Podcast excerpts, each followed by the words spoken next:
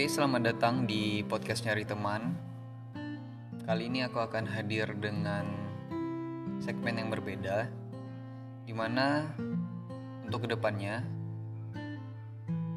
aku tidak hanya berbicara dengan teman-teman yang lain atau nge-podcast dengan teman-teman yang lain, tapi juga aku akan nge-podcast sendiri, bercerita sendiri, ngoceh sendiri, ya entah apalah nama-nama yang lain ya gitu ya yang pada intinya ini menjadi suatu wadah untuk aku bisa menceritakan apa yang terlintas dan terbesit di pikiran ini tentang isu-isu dan apa pun itu.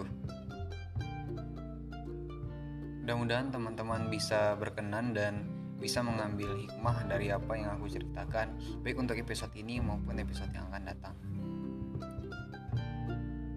Dan pada kesempatan kali ini, aku akan menceritakan tentang mahasiswa baru ya karena sekarang lagi marak-maraknya bukan marak-maraknya ya tapi memang lagi fase semester awal hingga mahasiswa baru beralih dari SMA menjadi mahasiswa dan aku akan menceritakan apa yang sebenarnya harus dilakukan oleh mahasiswa baru di tahap-tahap awal perkuliahan. Sebenarnya episode ini muncul ketika ada satu pertanyaan yang muncul di benakku. Pertanyaan begini, kalau misalnya untuk saat ini aku disuruh kembali lagi menjadi mahasiswa baru, apa yang akan aku lakukan?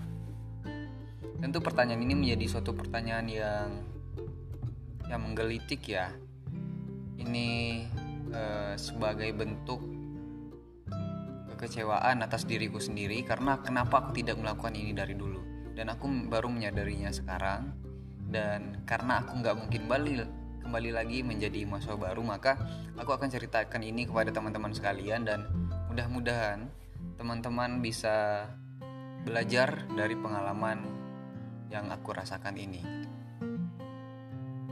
Jadi untuk uh, memang ya perpindahan dari SMA menjadi mahasiswa itu menjadi merupakan suatu fase yang yang yang apa ya yang yang menghadirkan suatu iklim yang sangat berbeda. Ketika SMA teman-teman menjadi siswa kemudian menjadi mahasiswa itu fase sangat berbeda. Contoh kecilnya ketika teman-teman dulu menjadi siswa tidak hadir ke kelas itu pasti dicari oleh guru dan sebagainya misalnya ya. Namun ketika hadir di ruang kuliah teman-teman tidak demikian lagi gitu teman-teman dipaksa dan diharuskan untuk bisa menjadi mandiri. Dan nah, fase perubahan ini fase pendewasaan awal ini untuk menjadi seorang mahasiswa harus benar-benar teman-teman manfaatkan semaksimal mungkin. Ini menjadi momentum yang baik ya untuk teman-teman sekalian. Nah adapun yang yang sedikit aku rasakan dan juga aku sempat bercerita dengan teman-teman yang lain juga apa yang benar-benar merubah mereka selama fase menjadi mahasiswa ini gitu. Dan setelah aku simpulkan menarik benang merah, ternyata yang merubah mereka adalah lingkungan gitu ya. Ini menarik sekali. Pepatah Cina mengatakan burung-burung yang sejenis akan hinggap di dahan yang sama. Dan ini juga yang aku lakukan nih dulu ketika PKKMB 2017. Setelah PKK itu aku langsung mencari organisasi-organisasi yang memang senior-seniornya orang-orang hebat gitu. Itu contoh kecilnya. Dan banyak lagi yang bisa teman-teman lakukan yang lain misalnya berkenalan dengan teman-teman baru, orang-orang yang positif dan lain sebagainya. Uh, aku juga teringat ada salah seorang senior bilang bahwasanya betapa pentingnya kita mencari lingkungan yang positif karena itulah akan membentuk kita. Misalnya aku ya, aku coba refleksikan dalam hidup dan diri aku sendiri saat ini. Aku tidak akan menjadi seperti yang sekarang ini kalau misalnya dulu aku tidak berkenalan dengan teman-teman yang lain yang menghadirkan lingkungan yang positif misalnya kalau misalnya aku juga kembali di masa kecil, dulu aku tidak menjadi seorang pemain bola yang uh, handal ya di kelas diandalkan di kelas ya. Ini agak sombong ya. Diandalkan di kelas kemudian diandalkan di tim. Kalau misalnya aku tidak bertemu dengan teman-teman yang mengajakku untuk hadir latihan. Kalau misalnya aku tidak bertemu dengan teman-teman yang rutin membawa aku untuk rutin menyemangati aku untuk datang latihan sepak bola misalnya. Begitu juga hal-hal yang lain. Begitu di sepak bola kemudian juga di kelas dulu ya dulu ketika SD MTS misalnya. Min eh, sorry MT min MTS ya uh, lumayan juara kelas ya sering juara kelas dulu. Dan aku mungkin tidak akan termotivasi untuk bisa dan berambisi menjadi seorang juara kelas kalau misalnya aku tidak punya teman-teman di kelas yang bisa menghadirkan iklim belajar yang tinggi misalnya. Aku punya satu orang sahabat yang itu menjadi apa ya teman bersaing gitu ya. Ketika dia juara satu juara dua aku juara umum dia juara juara satu di kelas yang lain misalnya. Ya begitu gitu. Artinya memang betapa pentingnya menghadirkan lingkungan yang baik untuk teman-teman mahasiswa baru di mana pun teman-teman berada jadi tugas teman-teman di awal itu mencari teman baru kemudian mencari lingkungan-lingkungan yang positif mencari orang-orang yang bisa menghadirkan energi-energi positif untuk teman-teman. Balik lagi ya kalau misalnya aku aku uh, aku sering kali ya kadang heran ya melihat orang yang memandang aku yang saat ini kok dia bisa seperti itu sih kok dia bisa seperti itu sih gitu. Padahal aku tidak merasa aku itu begitu hebat gitu ya. Contohnya kalau misalnya teman-teman di, di kelas teman-teman yang lain itu mereka ada yang nilainya IPK 34 39 38 ya aku IP semester 1 ya ya 3,25 lah. Dibanding teman-teman yang lain yang masih banyak yang sangat tinggi gitu jauh di atas aku. Kemudian eh, pada begitu juga pada aspek-aspek yang lain tetapi gimana ya? Tetapi kok aku bisa seperti ini gitu? Dalam artian misalnya untuk untuk apa namanya berpengaruh seperti ini dalam konteks mahasiswa ya dan itu juga di kampus aku. Kalau di kampus lain aku juga nggak punya pengaruh gitu. Uh, Padahal kalau misalnya diukur kecerdasan dan sebagainya banyak teman-teman yang cerdas. Kalau misalnya diukur tentang kekayaan banyak kok teman-teman lain yang yang kaya. Kalau misalnya diukur ketampanan dan fisik dan sebagainya banyak kok teman-teman yang lain punya fisik lebih dan sebagainya gitu.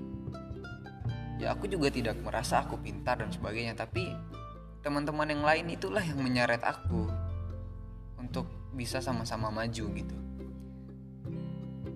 Kalau misalnya uh, apa namanya ada juga kata-kata yang mengatakan begini kamu adalah rata-rata dari orang yang paling sering bersamamu setiap hari sorry sorry. Kamu adalah rata-rata dari lima orang yang paling sering bersamamu setiap hari. Ini menjadi suatu apa ya satu hal yang mesti kita perhatikan juga gitu. Siapa yang paling sering bersama kita setiap hari? Kemudian siapa aja mereka? Apakah mereka suka suka ngeluh misalnya? Apakah memang mereka suka semangat dan sebagainya nah silakan nanti teman-teman uh, di list atau misal nanti dicatat gitu ya. Atau coba dikasih nilai gitu ya, rating gitu. Siapa yang paling sering bersama dengan teman-teman setiap hari itu? Lima orang. Maka rata-rata dari mereka itulah teman kalau misalnya ya teman-teman kita adalah orang-orang yang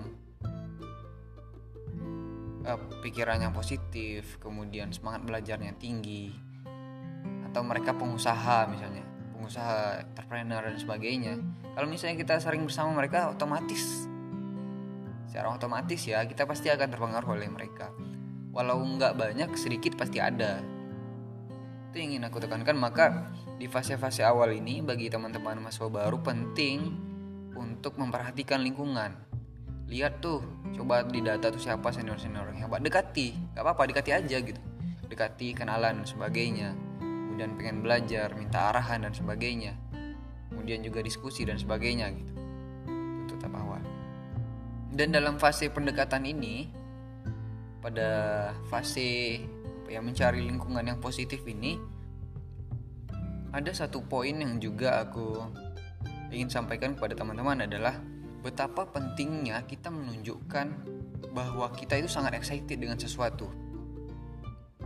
Dulu aku teringat dengan kata-kata dari uh, senior ya, senior yang pernah cerita bahwasanya uh, beliau itu merupakan beliau itu merupakan uh, alumni di salah satu kampus jurusan teknik sipil yang lulus di kampus orang pertama yang lulus tiga setengah tahun jurusan teknik sipil di di satu kampus gitu di Sumatera Barat. Gitu. Beliau orang pertama dan beliau bilang gini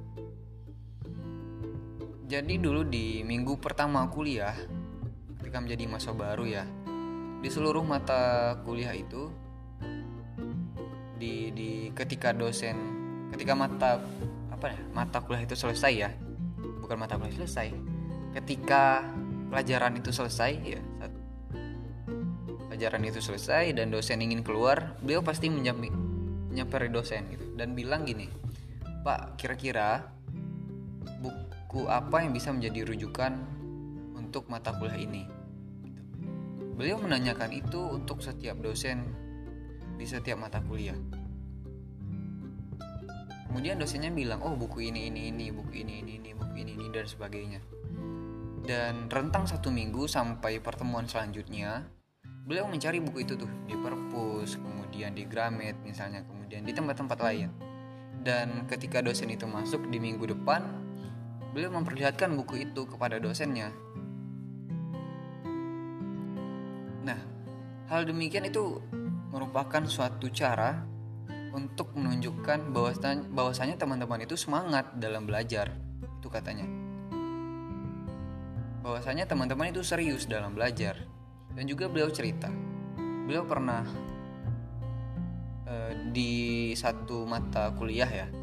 Biasanya kan ketika ada tugas dari dosen kita kan selalu nanya pak atau bu misalnya. Kira-kira kapan terakhir kali tugas ini bisa dikumpul? Pasti gitu kan ya? Kapan terakhir bisa dikumpul? Tapi beliau bilang apa? Pak kira-kira kapan bisa pertama tugas ini dikumpul gitu? Ketika dosen bilang oh besok pagi sudah bisa dikumpul gitu di meja bapak dan sebagainya gitu. Ya beliau mengerjakan yang malam ini besoknya langsung dikumpul. Besoknya langsung dikumpul di meja bapak itu.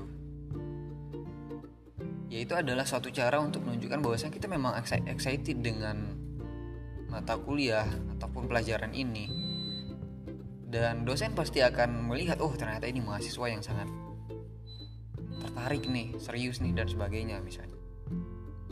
Begitu juga dengan kasus-kasus yang lain. Tadi sempat sharing juga dengan salah satu teman di di kampus ya.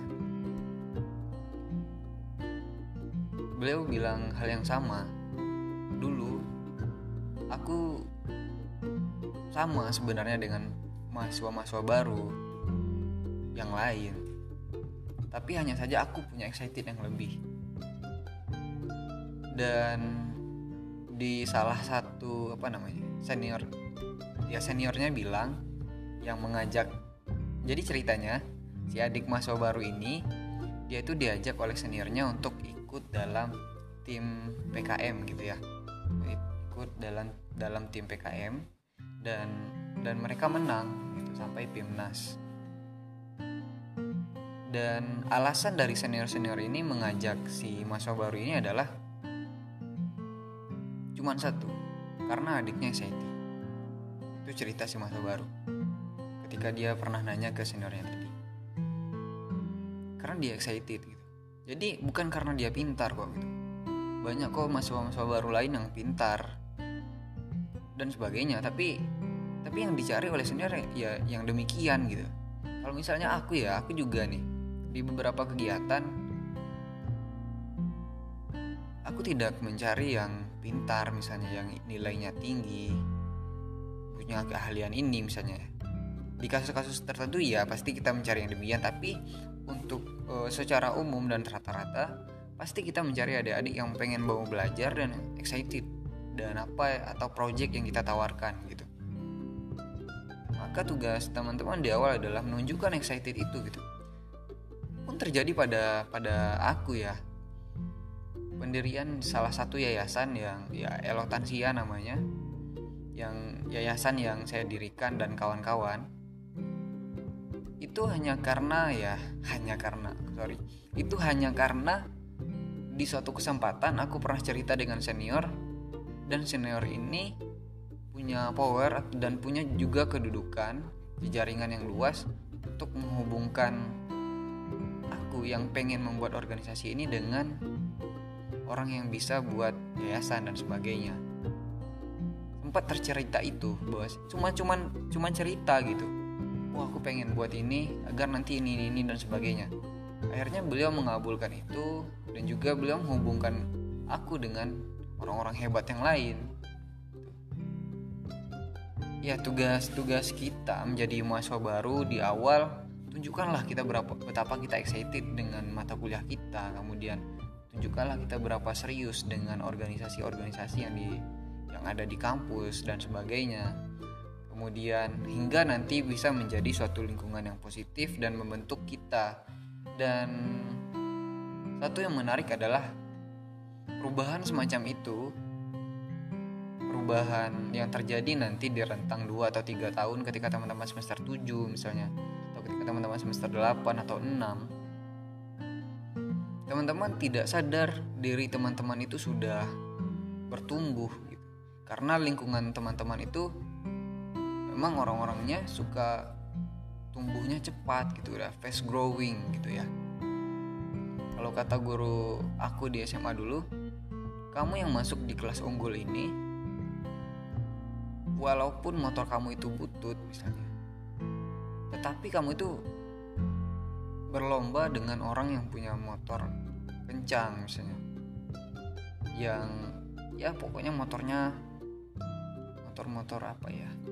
Mungkin kalau mereknya CBR atau Fiction misalnya atau motor-motor yang, yang kencang yang lain.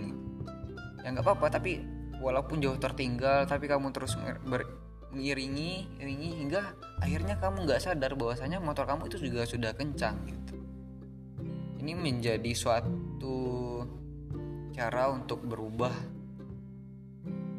yang baik ya.